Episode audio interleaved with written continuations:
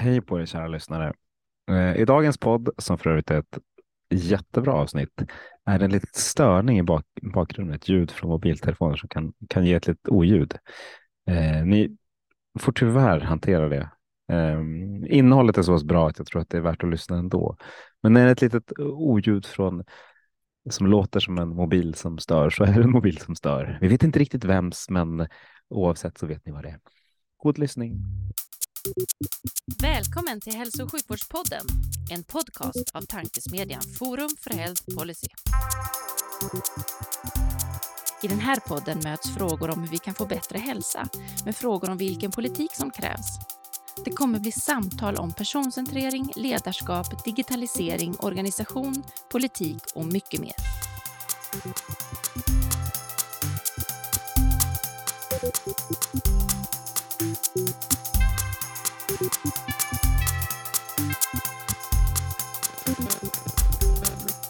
Hej och välkomna till Hälso och sjukvårdspodden, tankesmedjan Forum för Health Policys initiativ för att sprida goda idéer och tankar kring dagens och framtidens hälso och sjukvård och omsorg. Jag heter Magnus Lejelöw och arbetar till vardags för Colivia, men är även ambassadör för Forum för Health Policy. Och vid min sida idag har jag förmånen att ha en internmedicinare som brinner för patientmöten, både digitalt och analogt. Varmt välkommen Henrik Bjertun. Stort tack Magnus. Kul att, ha, kul att ha, ja, jättekul att ha dig i podden. Det är spännande att se vad det här samtalet tar vägen. Men, samt, men, men det enda vi vet är att vi börjar med frågan hur tror du att svensk hälso och sjukvård ser ut 2040? Det är en eh, väldigt spännande fråga Magnus. Och det, man ska också komma ihåg att tiden går snabbt. Så 2040 kan låta långt borta men, men egentligen är det inte det. Och eh, min förhoppning är att vi har en riktigt bra svensk sjukvård 2040 om vi lyckats eh, möta de utmaningarna vi står inför. Och man kan väl säga, jag, jag tror på fyra eh, huvudingredienser som är rätt så generella för all vård. Eh, och de kan väl eh, utveckla lite. Eh, och sen kan det låter kanske... som en rimlig sak att göra. eller hur? eller hur? Och, och sen kan vi specificera lite mer kring, kring den delen av vården jag jobbar inom, vad jag tror där. Mm. Men, men eh, det första är naturligtvis teknikutvecklingen. Det är ingen eh, överraskning. Vi, vi kommer eh, se helt nya möjligheter. Men eh, vi ska liksom inte tro att tekniken är lösningen på allt. Vi måste verkligen använda den på rätt sätt. Och vi måste kunna ta vara på den och skapa moderna arbetssätt tillsammans med den. Den ska liksom vara ett hjälpmedel för vården och inte en belastning, vilket man ibland har eh, sett eh, historiskt. Och, och, det kan vi återkomma till lite senare kanske, men, men jag tror verkligen att vi ska försöka utveckla tekniken tillsammans med patienterna och vårdsen, eh, vårdpersonalen. Eh, det andra är att jag tror att vi kommer involvera våra patienter ännu mer än vad vi gör idag. Eh, befolkningen blir större och den växer. De kommer ställa andra krav på sjukvården, eh, likt man gör på andra branscher. Jag tror att eh, patienterna kommer vilja vara mer informerade och aktiva i sin vård. Jag tror att de kan göra mer själva än vad vi idag egentligen låter dem. Och att detta då skapar en annan förståelse för sin sjukdom och ett, och ett ansvarstagande. Det tredje är naturligtvis vår vårdpersonal. Utan dem har vi ingen vård. Eh, och jag tror att vi måste verkligen under de här åren tänka nytt i dels hur vi attraherar eh, personal men också hur vi behåller den. Det finns helt eh, underbar personal i alla vårdprofessioner. Men, men nya generationer har också nya preferenser. Det ser lite annorlunda ut än när du och jag en gång utbilda oss. Mm. Vi måste lyssna på dem, Eh, skapa förutsättningar för dem att vilja jobba inom vården och att de faktiskt får göra rätt saker som de är utbildade för. Mm. Och för att få allt det här att funka så har vi då egentligen den fjärde punkten och det är vad jag skulle vilja säga vågande ledarskap. Vi måste ha ledare, beslutsfattare inom vården som lyssnar till patienter, till personal, men inte minst innovationen. 2040 är som sagt inte, det är inte så långt borta. Och ska vi ta vara på de tekniska framsteg som görs så måste vi våga testa redan nu och skapa arbetssätt som funkar. Det är liksom en steg för steg utveckling. Det går inte att säga att nu bromsar vi allt och så 2040 har vi, har vi det så här, utan då måste vi ta steg. Och jag tror inte ingen kan göra allt, men vi kan alla inom vården bidra lite. Man kan se det lite som ett pussel, att vi, vi lägger olika pusselbitar för bästa möjliga vård. Så det var väl fyra abstrakta och generella grejer som måste funka, Magnus. Ja, men det är fyra bra saker och de ska vi naturligtvis hänga, med, hänga tag i. Eh, ja.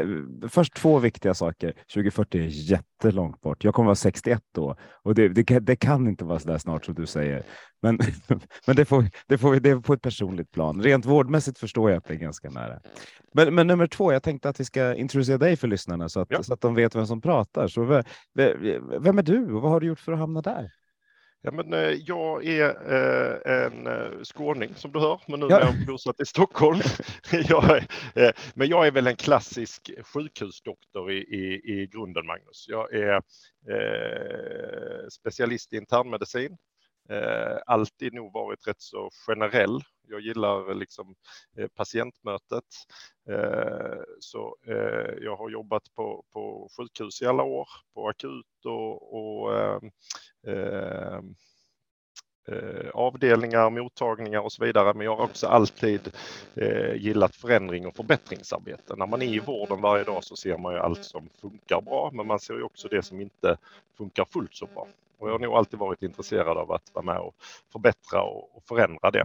Så jag blev eh, tillfrågad eh, om jag inte skulle ta en administrativ roll på sjukhuset. Så jag eh, blev erbjuden tjänsten som chefläkare för digitala vårdsystem, vilket jag hann, hann eh, jobba med i två år. Eh, fantastiskt eh, roligt och spännande och utmanande på många sätt. Man, man inser då att när man ska försöka leda och driva förändringsarbete Eh, i hur verksamheten ska funka och använda digitala hjälpmedel. Så det, det tar tid och man måste ha tålamod eh, och, och, hålla ut. Men det var jätteroligt. Eh, men sen blev jag då eh, tillfrågad eh, av en eh, gammal vän, Johan, eh, tillsammans med en tredje eh, gammal kollega, Mikael, om en vårdform som börjar växa sig stor i USA, det vill säga sjukvård i hemmet mm. Hospital at Home. Så vi började titta lite på det, eh, vi tre, eh, och det blev väldigt intressant. Man insåg att eh, det här är ju verkligen en pusselbit, ett komplement till, till dagens sjukvård som vi verkligen har saknat. Så ju mer vi satt och tittade på det där, desto mer insåg vi att det här är väldigt, väldigt bra. Eh, eh, och då tog jag till slut mod till mig och vi eh, grundade då det här bolaget Medoma förra året som jag jobbar med nu. Och där har jag väl formellt titeln en chefläkare. Men, men i ett mindre bolag så brukar formella titlar be, be, betyda att man gör väldigt mycket olika saker. Det är exakt så det, och det tycker jag är den stora eh, charmen. Ja. Man gör allt och inget höll jag på att säga. Nej då, men man, precis som du säger, man får göra allt eh, och eh, det har varit ett eh, otroligt, eller två otroligt spännande år eh, hittills. Eh, och det eh, utvecklas och det, det, är också det fantastiska med det. Se, se, se det växa, eh, attrahera massa talangfulla personer och, och försöka skapa någonting tillsammans. Mm. Spännande. Men, vi återkommer till, till sjukvård i hemmet också. Det är många saker vi ska ja. återkomma till, så det, det, det har ju naturligtvis. Men, men chefsläkare för digitala vårdsystem i en period när vi håller på och liksom försöka ometablera grunden där vi jobbar. Hur, hur var det? Vad var de stora utmaningarna? Det är Sankt Göran det handlar om. Exakt, så du är jag jobbade på Sankt Göran då. Ja. Exakt, vilket ju är ett, ett fantastiskt sjukhus så sätt att man eh, är väldigt eh, duktiga på att jobba med lean, man är van vid att jobba med förändrings och förbättringsarbete. Eh, mycket i det jobbet var naturligtvis att försöka vara bryggan mellan Eh, den kliniska verksamheten och eh, eh, IT-avdelningen samt de leverantörer av, av system vi använder oss av. Såväl journalsystem som andra, andra digitala hjälpmedel, både för vårdpersonal och, och patienter. Mm. Vad var de största utmaningarna i den rollen? Det är en jättebra fråga. Det är nog att en sak är att implementera ny teknik. Mm. Men sen att, och det kan verka spännande då i början, men sen att få alla att eh, fortsätta använda den och använda den på rätt sätt. Jag var lite inne på det i, i början, att eh, eh tekniken ska vara ett hjälpmedel, inte en belastning. Att försöka att komma över det där gapet att den här nya tekniken är inte en extra börda för dig. Den är ett hjälpmedel om du använder den rätt. det låter som, det låter som en utmaning som heter duga. Nu pratar vi mun på varandra, det är det farliga här. Förlåt. Kör. eh, nej, men och, och därför tror jag eh, väldigt mycket på att teknik ska utvecklas tillsammans med vårdpersonal eh, mm. från första början. Då kan man direkt få eh, återkoppling. Det här är det vi vill ha. Det här är det vi behöver för bästa bästa möjliga funktionalitet och att, och att den då faktiskt verkligen ska, ska hjälpa i det vi gör. Mm. Om man går tillbaka till dina fyra första punkter där så sa du, den första mm. sa, sa du att vi, liksom, teknikutvecklingen är en viktig del och att vi historiskt inte alltid varit så bra på och, och eller vi har inte jobbat med teknikutvecklingen på det sättet vi skulle vilja inom vården.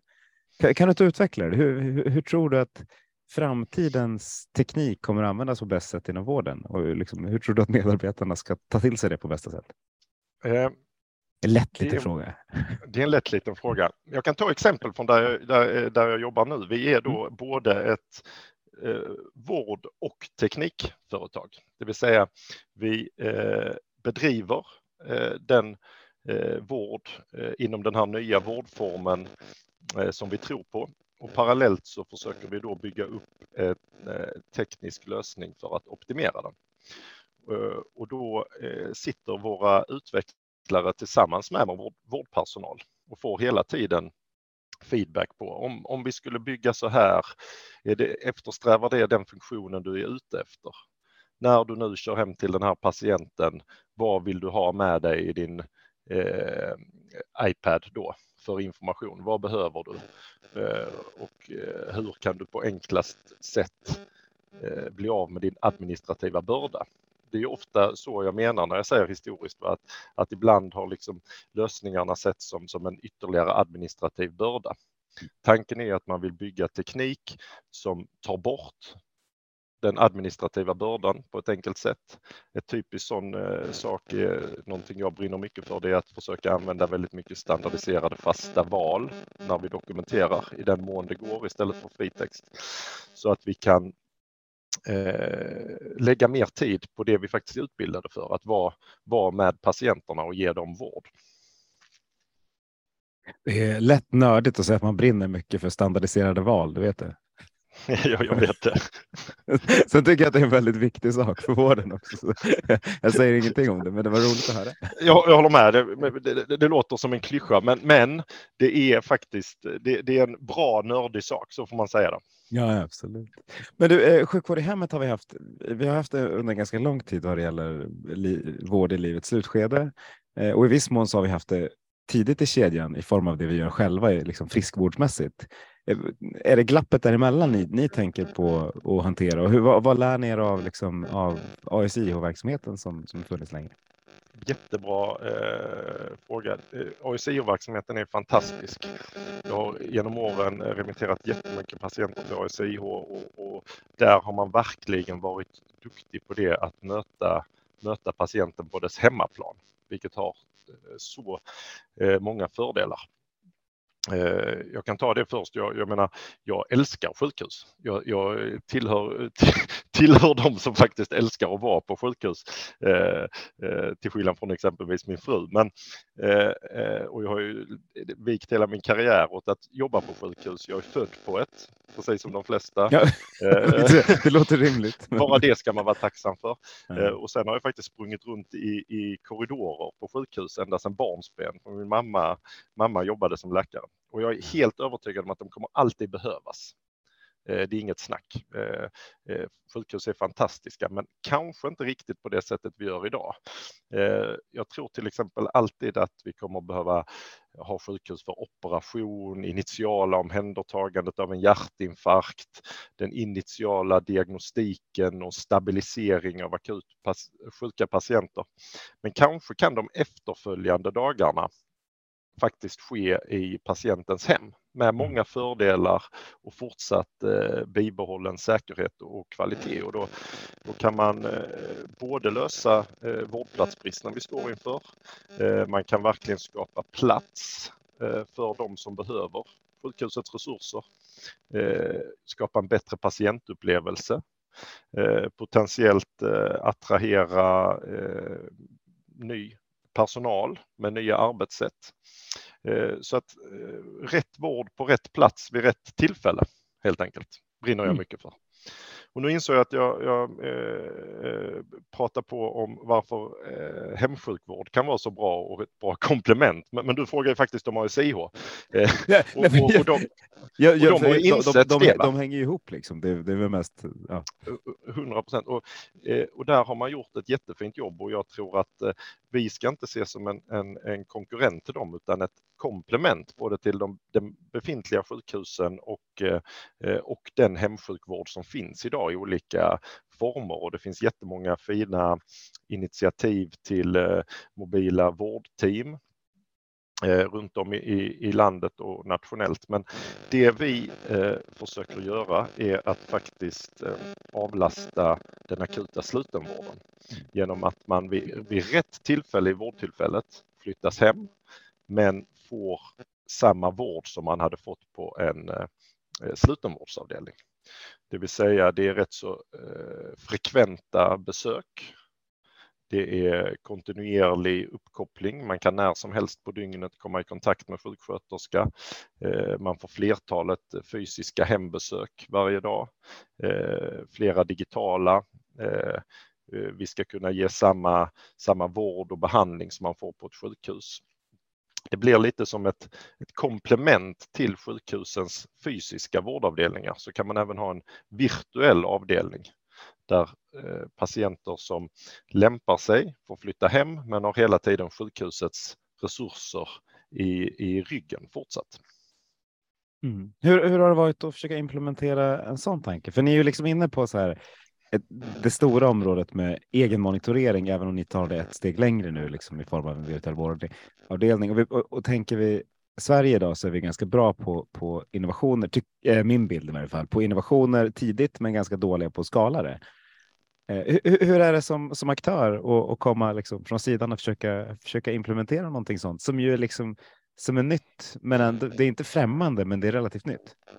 Jag håller med dig, det är nytt, eh, men komponenterna i det finns eh, på andra ställen. Det är beprövat internationellt. Eh, I USA så börjar man med Eh, liknande vårdform redan 2014-2015, men det gick lite trögt, precis som, som all innovation gör. Men sen så fick de en rejäl skjuts av eh, i samband med covid när man helt plötsligt insåg att det här, det här är, är, är naturligtvis väldigt bra eh, för att eh, isolera och, och hindra smittspridning. Eh, men, men, utmaningen för oss nu, eh, jag skulle säga det att vi har pratat eh, med väldigt mycket olika beslutsfattare och eh, alla är ju överens om att det här är en bra idé. Det är väldigt sällan jag hör från någon att oj vad konstigt, så här, det här verkar inte bra. Eh, men att därifrån eh, gå från ord till handling och våga. Eh, och det var lite det jag var inne på initialt med vågande ledarskap, att man eh, ska vi utveckla vården så måste vi våga eh, prova. Eh, det, det gäller inte bara det vi håller på med utan eh, om man som eh, verksamhetschef eller på, på annan chefsnivå eh, har medarbetare som ser ett problem och kanske kommer med ett bra förslag på en lösning. Våga starta upp ett projekt och testa. Vi ska alltid inom sjukvård testa saker tryggt och säkert och, och enligt alla gängse rutiner och riskanalyser som vi gör i alla sammanhang. Men, men man måste våga testa och om det då funkar, eh, våga eh, skala upp. Absolut. Det, det, låter så lätt när du säger det, så är det inte alltid lika lätt att göra det i, i systemet. Var med det. Jag, jag, vet, jag vet det. det är en av de största utmaningarna är att man måste ha, ha tålamod med det. Ja. Och jag menar, jag har respekt för att nu kommer vi som en, en ny aktör med någonting som är väldigt nytt. Eh, helt, helt plötsligt eh, ska man istället för att ligga på en sjukhussal ligga hemma och få samma, samma vård. Eh, men det är roligt. Vi har ju faktiskt haft de som eh, vågar hoppa på nu eh, och vi gör, bedriver ett samarbete nu tillsammans med medicinkliniken på, på Capio Sankt Göran sedan två månader så där måste jag säga att jag är väldigt imponerad av ledarskapet. Verksamhetschefen där, Gunilla Wahlström, eh, vågade och, och eh, efter allt liksom, adekvat förarbete så, så är vi nu igång. Och mm. likaså till, till eh, hälso och sjukvårdsförvaltningen här i Region Stockholm som också godkände och tyckte att nej men, det här eh, känns seriöst bra, vi tror på det här så vi, vi vågar prova. Mm. Du, du, sa att det är beprövat i USA. Ibland tenderar, eh, i varje fall min bild, att, eh, att beprövat i USA inte är provat eller uppfunnit här i Sverige eller i Stockholm. Då. Hur, eh, hur är känslan? Att liksom, behöver ni testa om allting eller kan man använda någon, någon form av erfarenhet från andra länder? Eller vad, man kan, man, kan, man kan eh, använda väldigt mycket erfarenheter från andra länder. Sen ska man ha, ha respekt för att det ser helt, eh, helt annorlunda ut. Även om, om sjukdomarna och, och diagnoserna är de samma så jobbar man på olika sätt. Eh, och det är inte bara USA, Australien har kommit väldigt långt inom detta området och jag menar hemsjukvård i sig eh, runt om i världen kan man ta inspiration från. Men man måste också eh, precis som du säger, omsätta det till hur fungerar vården där vi är här och nu. Vi måste ju trots allt förhålla oss till eh, de eh, organisationer och vårdval och struktur vi har här. Vi måste också förhålla oss naturligtvis till vår befolkning. Vad, vad vill våra patienter? Eh, hur bor de? Etc. Så att det går liksom inte bara att ta någonting från ett annat land och hem, utan man måste tänka om tänka nytt, eh, ta de bra sakerna och eh, sen extrapolera dem och, och, få dem att funka där vi är. Det är bra, man behöver lite utmaningar i vardagen, annars blir det för lätt. ja, helt enig. Men du, det där var din första av spaningarna för, för 2040 och du må kalla dem stora och det är de. Eh, men de mm. ringade in problemet på ett ganska snyggt sätt. För, för den andra handlar om informerade patienter och ja. jag tycker jag, eh, ett spännande område där man, i alla fall jag, om jag för 20 år sedan när, när jag spanade på Patients Like Me och liksom tittade på, på den rörelse som var i USA så tänkte jag det här kommer ju verkligen att hända någonting i Sverige. Och det har det inte gjort. Nej. För även om våra patienter är informerade så, så, liksom, så, så är man informerad på ett annat sätt. Vad, vad, vad, vad, tror du, vad tror du om framtiden för, och kanske nutiden då för, för patienter och information i Sverige? Ja, det här brinner jag mycket för eh, och har gjort egentligen eh, hela, hela mitt, eh, min karriär och mitt jobbliv. Jag, jag tycker det är så här, om, om vi bjuder in patienterna till att bli informerade så mm. vill de allra, allra flesta det. Och, och, hur ska vi då göra det? Jag tror ju mycket på personcentrerad vård. Jag tycker man gör ett fantastiskt jobb inom det inom primärvården. Eh, med god och nära vård. Jag tror att vi inom eh, sjukhusvärlden, som jag kommer ifrån, kan bli ännu bättre på att informera eh, våra patienter. Och det kan vara allt ifrån så enkel tid, sak som väntetid. Mm. När man sitter på en akutmottagning och väntar, och det har jag själv gjort som anhörig, så, så det är ingen fara att vänta tre timmar. Det kan till och med vara lugnande för man vet att då är det någon annan som är mer akut som går före. Men det är en så enkel sak som att informera om att nu får du nog vänta tre timmar istället för att man sitter och väntar varje gång det kommer förbi någon sjukvårdsklädd personal och nu är det vår tur. Och så, Nej, det var det inte. Och, och detsamma gäller ju verkligen när man ligger inne, inne på en avdelning. Man vet inte riktigt när ronden ska komma. Eh, man vet inte när man ska få sjukgymnastik på eftermiddagen och så vidare. Så det jobbar vi väldigt mycket med nu när vi flyttar hem patienterna. Att de eh, får eh, i sin surfplatta i, i den användargränssnittet ett väldigt tydligt, så gott vi kan ge dem, tidsschema för dagen. Vid den här tiden har du digital rond med läkare. Eh, klockan 14 kommer sjukgymnasten hem till dig. Eh, klockan 16 är det en eh, antibiotikainfusion. Eh, för att ta några exempel. Och då, då kan de eh, anpassa sig eh, därefter. Så det är en del av informationen, att vad är, det som, vad är det som ska hända med mig? Och det kan vi tänka vidare i vården generellt, att vi har ju möjligheter med tekniska lösningar framöver och patientappar och så vidare, att patienten hela tiden kan ha, ha koll på när ska mitt nästa möte med vården ske? Sen är, är den andra delen att jag tror att vi kan eh, involvera dem väldigt mycket mer i sin sjukdomar genom att informera dem om sjukdomarna på ett enkelt och lättförståeligt sätt. Eh, vi kan involvera dem bättre än vad vi gör idag på hur de själva kan bidra till ett friskt liv. Eh, egenmonitorering tror jag är en jättebra sak. Vi ser det på våra patienter nu. De är vana vid att få eh, sina vitalparametrar mätta av vårdpersonalen på avdelningen, men det går alldeles utmärkt att eh, mäta den själv. Och eh, efter några dagar så har man då faktiskt börjat inse det. Men du, idag var inte mitt blodtryck lite högt. Ja, det blir en insikt och då, då, kan det bli en preventiv åtgärd framöver. Jag tror att ju mer informerad man är, desto mer medveten blir man om varför man ska ta sina mediciner och varför man ska motionera och så vidare. Mm. Ja, för så funkar det överallt annars. Ja. Jag ska få hem ett paket idag som där jag fick det här härliga smset. Det kommer mellan 8 och 17 jag känner så här, nej fast jag, jag vill veta exakt när det kommer. För Budbee berättar för mig liksom, det kommer 17.38 och, och det är det jag är van vid.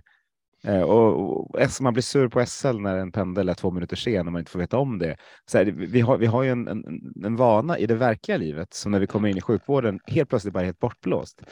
Eh. Tror ni att ni kommer, för, för det här skulle man ju vilja implementera liksom på bredden jävligt snabbt jag håller med dig. Och det, där måste man också sätta, apropå information, sätta rätt förväntningar. Mm. Det är kanske rimligt att eh, pendeltåget är två minuter sent. Men att du får reda på det. Ja. Eller hur? Absolut. Det, det, är, orim det är, orimligt, men det är bra att jag får reda på ja. det. Och det är kanske rimligt som du beskrev där att leveransen, de, de måste sätta ett tidsintervall initialt. Men ju, ju närmare eh, leverantören kommer så kanske det kan smalnas av så att du kan följa det. Mm. Där tror jag faktiskt det är ändå en bransch som har blivit fantastiskt mycket bättre. Hemleveranssystemet. Mm. Det funkar ju på ett helt annat sätt idag än vad det gjorde för, för tio år sedan. Jo, men absolut. Men man blir ju de leverantörer, och förlåt mig, jag ska inte hänga ut något namn här, men de som inte kan. Jag vet ju att de vet att det är åtta eller fem. De har ju koll om det är liksom 15 eller när det är, för för annars så har de ju ingen som helst koll på sin logistik. Och, och den, jag fördummas ju liksom som användare när jag får veta att det är någonstans idag. Det, det gör ju mig lite irriterad. Eh, ja. Men det är samma sak i vården. Jag, jag fattar ju fullständigt att akuta patienter som är mer akuta än jag ska få komma före mig. Men när jag sitter med min, med min son som har fått en hjärnskakning på en hockeymatch i Gävle så vill jag ju veta ungefär när jag kan åka hem. Ungefär om jag kan säga att ja, men vi kan äta på brödernas innan de stänger klockan tio eller om vi ska om vi får ta något sunkigare eller vad man ska säga på vägen hem. Så vi, vi, men, men där är vi ju liksom inte alls idag. Hur vän, för jag älskar vår personal som är snälla och försöker, men de, det är ofta så här, vi vet inte riktigt. Eh, här gick nej. jag igång märkte jag på ett sätt. Som ja, jag, jag, jag håller med. Och detta är väl då ett typexempel. Här, här kan vi faktiskt eh, ta hjälp av tekniken. Mm. Eller hur? Absolut. Vi kan, vi kan, eh, för egen del jobbar vi jättemycket med detta, eh, med vår teknik. Att patienten ska eh, kunna se när vi ska komma, bli direkt informerad om, om någonting avviker. För precis som du säger, akuta saker kan ske. En annan patient kan försämras, man måste göra prioriteringar. Men vi jobbar jättemycket med det och försöker involvera eh, våra patienter i det. Hur vill man få det presenterat? Mm. Och, och, det kan man ju applicera på andra, andra delar av vården också, på akutmottagningar eh, och så vidare tror jag. Det, det, går ju faktiskt att ha, och det finns ju flera sådana eh, initiativ redan, där man kan se en skärm i väntrummet att väntetiden är just nu cirka det här och det beror på att vi tar hand om akuta patienter först. Mm. Just akuten är, är faktiskt, eh, det, det är nog den svåraste eh, stället och det ligger i sin natur att, att, att ha en exakt tidsangivelse. Men, men eh, andra delar av vårdkedjan tror jag att vi kan bli betydligt mycket bättre för där är det precis som du säger, där vet vi faktiskt rätt så säkert när det, när det ska komma. Mm. Och jag tycker till exempel att, att logistikbranschen, jag tror, även om du då var lite negativ till den, så tycker jag att det har eh, förbättrats otroligt. Jag tycker nu ofta man kan välja eh, när man vill ha någonting levererat. Förr var det som du sa, då var det ett 12 timmars intervall, men nu kan man ofta lite mer specificera, man kan se när det närmar sig. Jag tror att eh, det är en bransch vi kan, eh, snart är den nog väldigt, väldigt bra. Ja. Och den kan vi då lära oss av i sjukvården. Ja, absolut, och jag håller med. Jag tycker att den är väldigt bra, men jag tycker att den är väldigt varierad.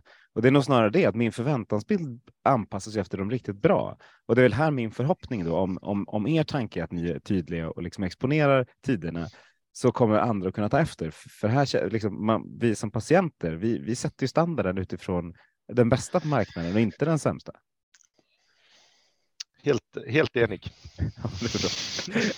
Den tredje saken du tog upp, det handlar om personal. Ja. Det är liksom ja. en, också en sjukt viktig fråga, för det finns en underbar massa personal där ute i vården som gör ett jättejobb, men som du säger, som inte riktigt har förutsättningarna för att kunna göra det. Kan du inte utveckla från, från ditt perspektiv? Vad är liksom eh, vad tror du är de stora skillnaderna mot dagens personals förväntningar och liksom morgondagens personals förväntningar? Och hur ska vi få dem och, och hur ska vi kunna möta dem?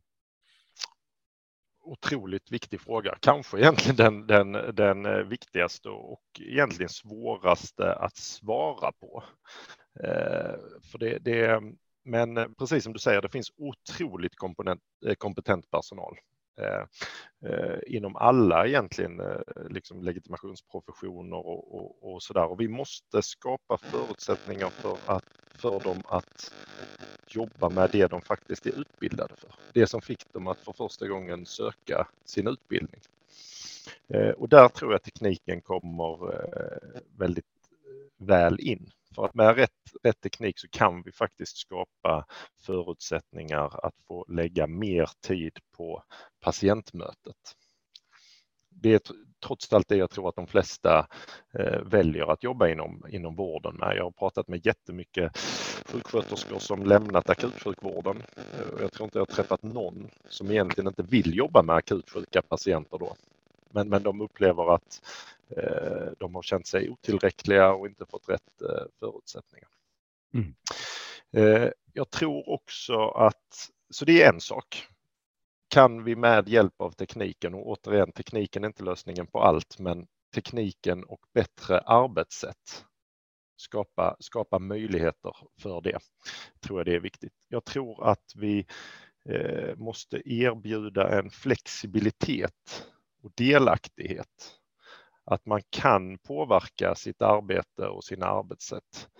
Det är inte helt enkelt i en eh, dygnet runt verksamhet där, där vissa saker måste ske och så vidare. Men, men kanske kan man lite visionärt tänka att eh, det finns ett gäng uppgifter att göra och man kan lite mer själv få bestämma om när och hur de ska utföras. Ja, det, det, kan låta visionärt. Det låter också som det borde vara här och nu och helt elementärt. Ja, jag vet och, och, och det är så på många, eh, många ställen. Men, men, men det är som sagt, det är inte helt enkelt eh, att få till. Nej, eh, det, det kommer ju att föra oss till frågan ledarskap sen i vården, om vi, yes. om varför vi inte får till det. Där. Men för, för, för, flexibilitet är ett ord som, om man pratar om, om regioner och kommuner i Sverige, så det är inte det första ordet som alltid kommer upp i, i min bok. Och tittar man på ja, men dig och mig, vi sitter här med, med två, vi har legitimationer som skulle behövas inom, inom vården och vi sitter och gör något annat eh, för att vi drivs av, av någonting annat. Hur ska man få, få oss alla att, att liksom vara kvar så nära patienten som möjligt? Eh... Vi hänger ut dig och mig, men det är för att vi kanske har en, någon slags entreprenörsdrivkraft också båda två som, som man skulle vilja få, liksom, få in i vården också. Eh, ja, och det tror jag kommer naturligt. Eh, det måste vara så att vi all, det, det hade varit hemskt om vi utbildade läkare och sjuksköterskor och farmaceuter som, som alla vara precis helt lika. Ja, det är väl jätte, jättebra att det finns eh, eh, människor som aldrig skulle vilja lämna kliniken. Det är jättebra att det finns eh, de som eh, ser förbättringspotentialer och, och, vill utveckla i en annan riktning. Det är jättebra att eh, några vill bli supernischade på en speciell operationstyp eh, eller ett speciellt läkemedel eh, jämfört med att eh, andra vill bli, bli generalister. Så att egentligen är det väl samma sak där. Vi måste ju skapa förutsättningar för där man är. Är man kliniker så måste man få bästa möjliga förutsättningarna att jobba kliniskt och så mycket som möjligt med patienten. Och har man andra intressen eh, som lämpar sig och utvecklar vården så, så måste man eh, bana väg för dem och, och kanske som, som ledare fånga upp de intressena. Ja, men det är bra. Det är många jag tror, och, jag tror, förlåt nu avbröt jag det, men jag tror en, en sak också och det är för de allra flesta av oss så gillar vi variation i arbetet. Jag, eh, jag tror det och där kanske vi kan jobba mer med eh, roterande scheman generellt. Alltså läkaryrket eh, är ju mångt och mycket så. Man får göra AT, man får eh, under sin ST gå runt mycket och, och, även när man är specialist ofta eh, rotera mellan både akut och avdelning och mottagning eller operation. Jag tror det, eh, det är ett väldigt bra sätt och det tror jag vi kan göra ännu mer än vad vi gör idag även för eh, sjuksköterskor. Mm.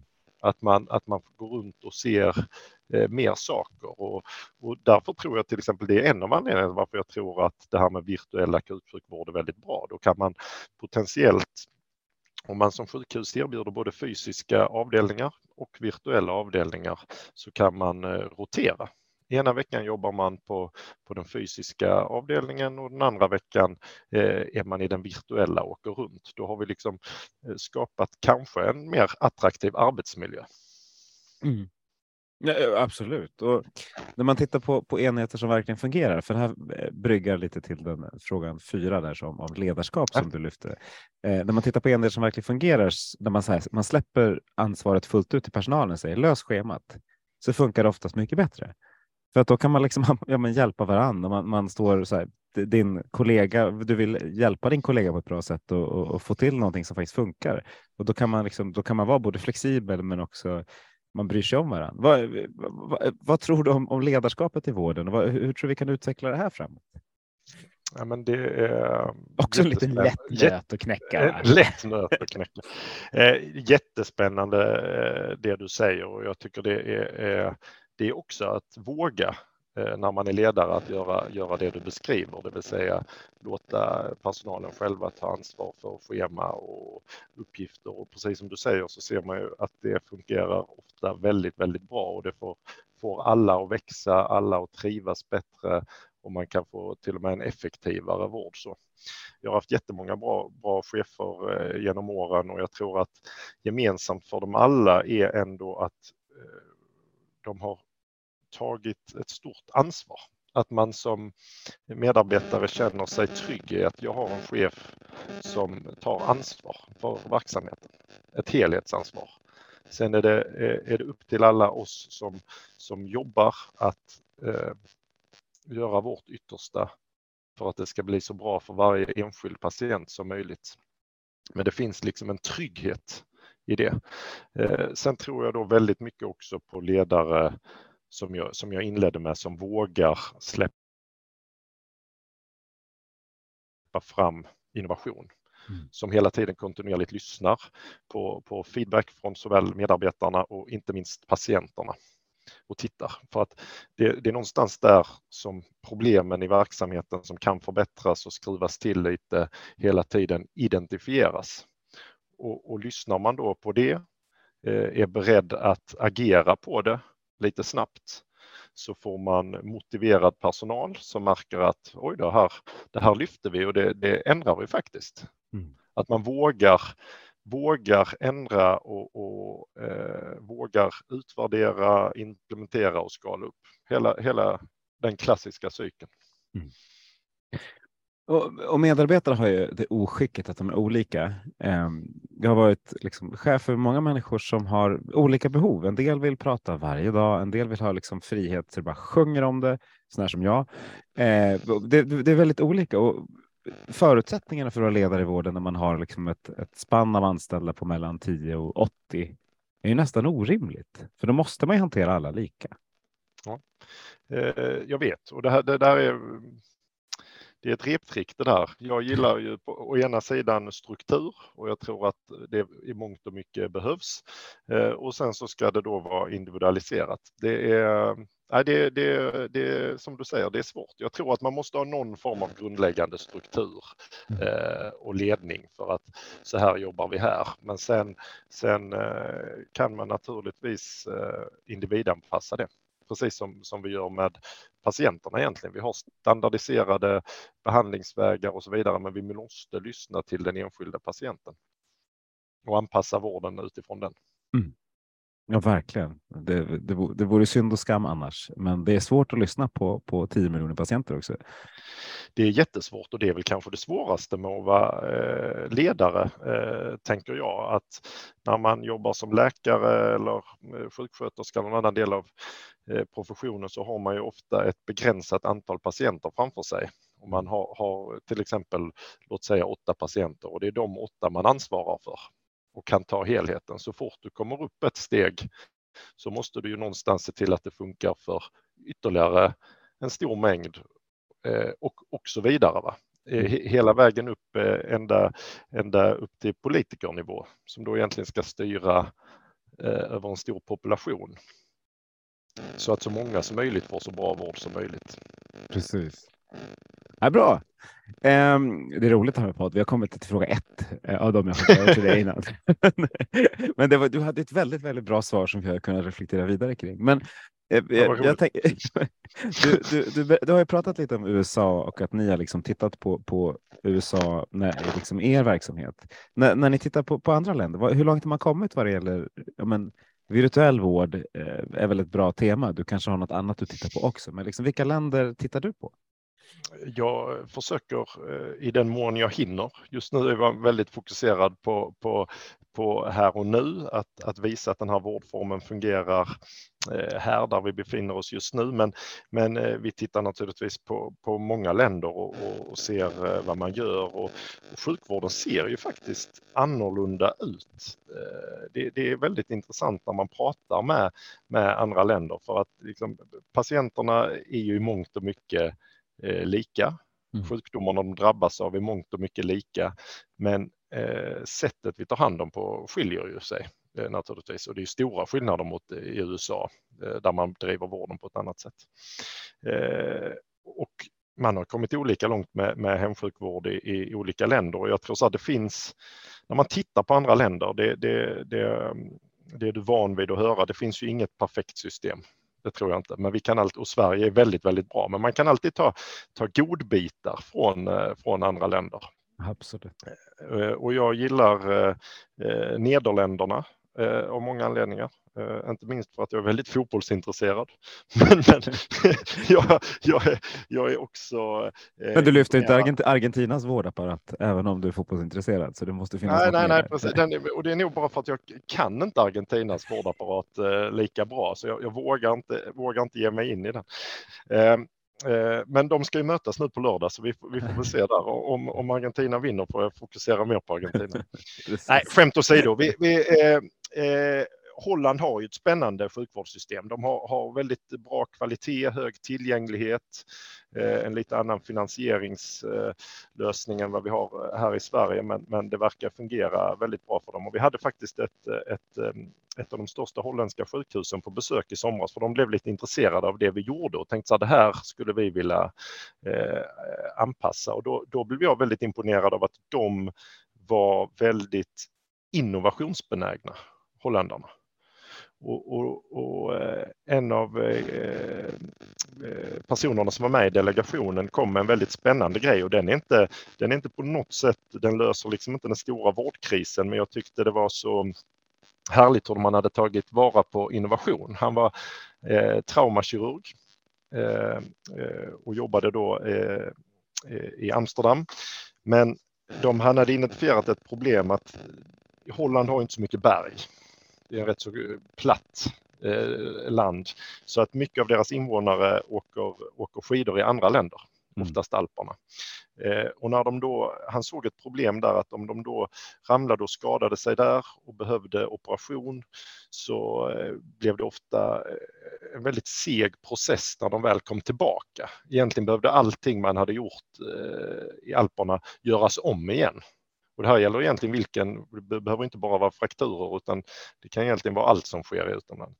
Man behövde komma till akutmottagningen, allt behövde startas om. Jag minns detta själv när jag gjorde AT, att man kom, patienten kom där med en CD-skiva med röntgenbilderna.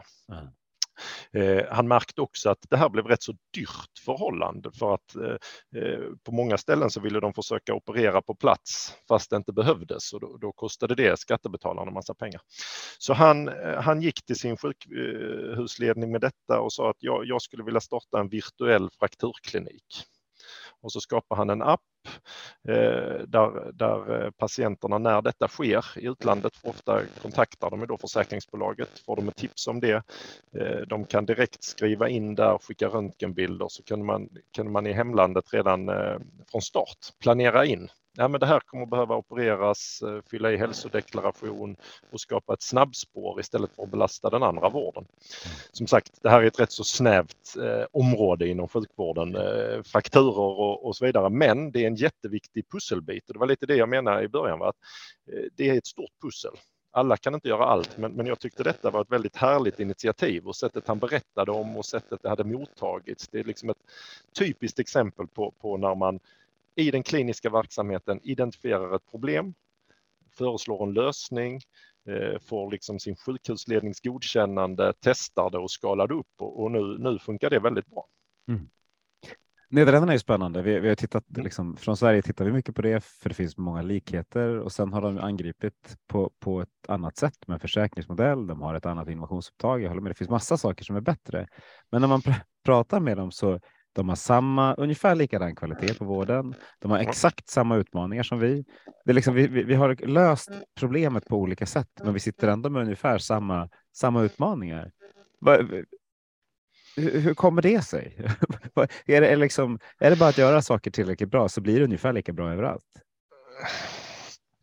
Det är lite dystert. Nej, ja, det, det, det, ja, det, är lite, det, det var en dyster. Jag tror snarare då att då måste vi tänka så här hur ska vi, våra båda länder ha så bra sjukvård 2040 som du sa som möjligt? Jaha. Vad kan vi lära oss av dem som är bra? Vad kan de lära oss av oss som är bra? Eh, hur kan vi samordna det? För det blir en jätte, jätteviktig fråga i allt det här. Om vi ska ha eh, en massa innovation, alla de här pusselbitarna jag pratar om, så, så, måste vi samordna det och få det att funka i sin helhet. Och det är nog en, en extremt svår nöt att knäcka. Det, kan man säga. Jag, är mest, och jag är ganska positiv till det mesta, så det är inte så. Jag har bara märkt att vi pratar liksom om samma saker och så kommer vi ner till Eh, ner till, ja, men Nederländerna är bättre på det mesta, fast de har ungefär samma resultat som oss. För, ja, exakt. En sak som vi, som, som vi kommer fram till att de oftast gör bra eh, är prevention. Mm. För de har liksom, ja, men precis som delar av systemen i USA har man ansvar för en större helhet i kedjan och då blir man mer intresserad av både primär och sekundärprevention. Vad, vad tror du vi kan, liksom, vad tror du vi borde göra bättre inom preventionen i Sverige? För att ta en jättebred fråga. Mm, det är en väldigt bred fråga och det är ju som sagt då inte mitt jag, historiskt här nu i, i, min karriär så kommer jag ju tyvärr in lite senare när man väl har blivit sjuk eh, och då pratar man ofta snarast sekundär eh, prevention. Men det är ju eh, minst lika viktigt, eller hur? Exakt. Och det är något vi skulle tack, kunna tack bli ännu mycket bättre. Ja, men vi skulle kunna bli så mycket bättre på det. jag, jag tror det också och jag tror eh, en stor del där är att eh, återigen information till våra patienter. Det är jätteviktigt. De patienter som, som vi vårdar i vår virtuella avdelning, de vill jag verkligen när de eh, mår bättre från sin akuta sjukdomsepisod ska vara mer informerade om sin grundsjukdom, eh, ha en förståelse för den, eh, sätta det i relation till eh, vad de faktiskt behöver för att leva ett eh, bra liv och, och kanske därefter ha en en eh, bra compliance eh, till sina eh, läkemedel, till sina dagliga vanor och, och rutiner på, på en lagom nivå. Vi kan inte bara leva för att inte bli sjuka. Men, men, men om du förstår vad jag menar. Jag, jag förstår mer än väl vad du menar, men om man tittar på följsamhet till amen, statinbehandling eh, sekundär profylaktiskt liksom efter, efter en hjärtinfarkt eller stroke så är det 50 procent. Mm. Det, alltså, det, är en ganska enkel sak. Det är inte så mycket biverkningar. Peppar, peppar. Det finns liksom olika nivåer på det där, men, men, men det är relativt snälla läkemedel, både, både de och liksom blodtryckssänkare och så där. Men ändå så har vi jättedålig följsamhet, vilket ju är lite pinsamt nästan. Att vi inte har gjort det bättre. Eller är det bara jag som, som sitter med mitt farmaceuthjärta sitter och muttrar här på sidan? Vi får säga den, den friska har tusen önskningar och yeah. den sjuka bara en. Så är det ju. När man ja. är eh, akut sjuk och, och, väl har drabbats av något, då eh, eh, är man ju väldigt fokuserad på det såklart. Men när man väl sen, sen tillfrisknar så det är klart att det, det är lätt att glömma bort eh, varför man behöver ta sin medicin Eh, när man inte känner att man, man behöver det längre. Eh, ja, där har vi ett jätteviktigt eh, viktigt jobb att göra, eh, eh både sekundärprevention och eh, primärprevention. Jag tror mycket att vi ska Eh, skapa förutsättningar för det, både för vårdpersonalen och, och, patienterna. Och där, där är en typiskt sådant område där jag tror att tekniken kan, kan eh, hjälpa väldigt mycket med, eh, med patientappar eh, som eh, påminner och informerar om varför man behöver ta det här. För, jag tror precis som du att, att, att här, här kan man verkligen få hjälp. Jag tror att påminnelser till viss del kommer att hjälpa dig, information absolut, men det som verkligen kommer att hjälpa tror jag handlar om egen monitorering och när du faktiskt får värdet och får se, ditt, liksom får se hur det påverkar dig själv. Eh, men jag blir nästan lite, lite upprörd över hur långsamt det går. Ja, jag håller med. Okay. jag, jag, jag återkommer till det. Vi måste, det, det går eh, långsamt. Eh, eh, och, och, och det, jag tror det är därför vi också eh, in, inom, inom den lilla biten jag jobbar med, vi försöker ju väldigt mycket här nu att, att eh, eftersom det är en ny vårdform, att komma med både vården och tekniken tillsammans. Det är svårare att komma med bara en teknisk lösning till sjukvården och säga här börja använda den. Men om man från början när vi utvecklar teknik från dag ett eh, gör det tillsammans med vården, vårdpersonalen och patienterna som ska använda den. Vad vill ni ha? Vad är det ni behöver? Hur kan man göra arbetssätt som tillsammans med den här tekniken skapar effektivare och bättre vård med samma kvalitet. Mm. Ja, bra. Mycket bra svar på en svår fråga. Nästan fråga jag blev upprörd över, vilket var bra. Det behöver ju de också. Eh, eh, nu har vi pratat i ungefär en timme. Jag tycker det är häftigt hur snabbt tiden går. När du kom in i det här virtuella rummet, för det här är också ett virtuellt rum. Det är ingen, ingen virtuell vårdplats, men ett virtuellt rum dig och mig emellan. Var, var det något du hade velat prata om som du tycker att, att vi inte har belyst? Oj, man minns, minns knappt allt vi, vi, vi, vi hunnit prata om, eh, eh Magnus. Eh, nej, jag, jag, eh, jag tror faktiskt vi, vi, har, eh, vi har hunnit med mycket på den här timmen. Vi har pratat om, om eh, vårdplatser, vi har pratat om, om personal, vi har pratat om patienten och inte minst Eh, ledarskapet och beslutsfattandet som behövs framöver. Jag, jag eh, har goda förhoppningar om en eh, mycket bra svensk sjukvård 2040. Gud vad skönt att höra. Eh, och jag tar med mig att trots att man har en kärlek för sjukhus och kärlek för förifyllda fält så kan man, kan man ha ett väldigt trevligt samtal under, under en timme så här. Verkligen. Kanske tack vare snarare. Men du Henrik, tack så hemskt mycket för att du var med i, i Hälso och sjukvårdspodden. Tusen tack för att jag fick vara med här. Det var kul och tack alla ni som har lyssnat. Nu går vi ut och förändrar svensk hälso och sjukvård till det bättre. Thank you.